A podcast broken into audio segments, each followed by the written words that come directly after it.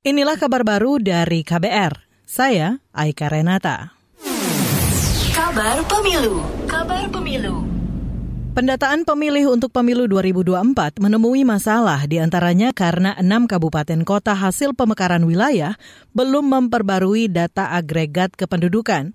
Direktur Pengelolaan Informasi Administrasi Kependudukan di Direktorat Kependudukan Catatan Sipil, Erikson Manihuruk menyebut enam wilayah itu adalah Kota Prabu Mulih, Sumatera Selatan, Kabupaten Wakatobi, Sulawesi Tenggara, Kabupaten Sarmi, Papua, Kabupaten Bovendigul, Provinsi Papua Selatan, Kabupaten Paniai, Provinsi Papua Tengah, dan Kabupaten Maibrat, Provinsi Papua Barat Daya. Kemudian juga yang daerahnya mengalami pemekaran wilayah, tolong segera diselesaikan. Artinya saat ini terkendala beberapa wilayah dalam penetapan DKB semester 2 2022 ini kita terkendala terhadap ada beberapa wilayah yang mengalami pemekaran desa tentunya, tetapi sampai saat ini belum diselesaikan. Direktur Pengelolaan Informasi Administrasi Kependudukan Erikson Manihuruk juga menyebut beberapa kendala data kependudukan lain terkait persiapan pemilu 2024. Di antaranya data penduduk yang tidak diketahui pindah atau meninggal. Untuk data penduduk potensial pemilih pemilu atau DP4 pemilihan presiden 2024, Ditjen Dukcapil membaginya menjadi dua, yakni data penduduk dewasa dan data pemilih pemula. Beralih ke informasi kesehatan, sepanjang tahun lalu terdapat lebih dari 3.000 kasus campak di tanah air.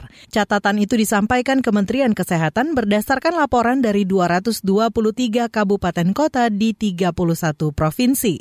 Dari jumlah itu ditetapkan 55 kejadian luar biasa KLB campak di 34 kabupaten kota di 12 provinsi. Direktur Pengelolaan Imunisasi Kementerian Kesehatan Prima Yosefin mengatakan jumlah itu naik 31 kali lipat dibanding kasus campak di tahun 2021.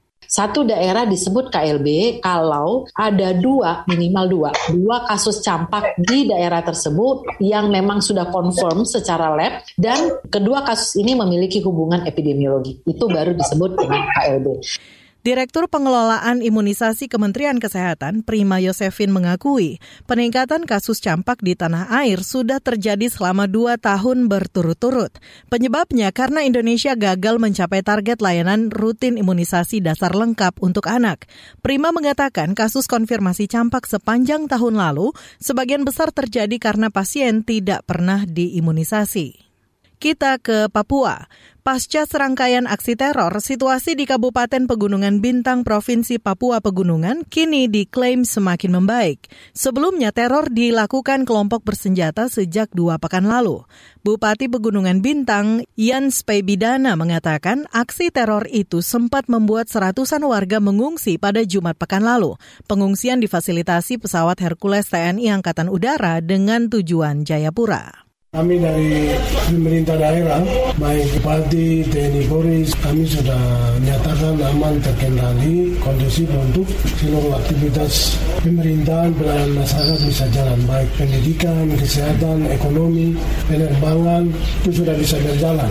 Jadi berharap semua yang ada di Jayapura itu juga bisa ini dan di yang ada di sini bisa lakukan aktivitas seperti biasa.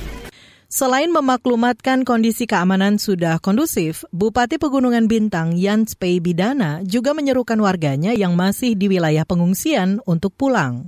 Tak hanya itu, jajaran pemerintah Kabupaten Pegunungan Bintang juga melakukan pendekatan persuasif kepada kelompok bersenjata untuk tidak lagi menebar teror dan kekerasan. Demikian kabar baru dari KBR. Saya Aika Renata.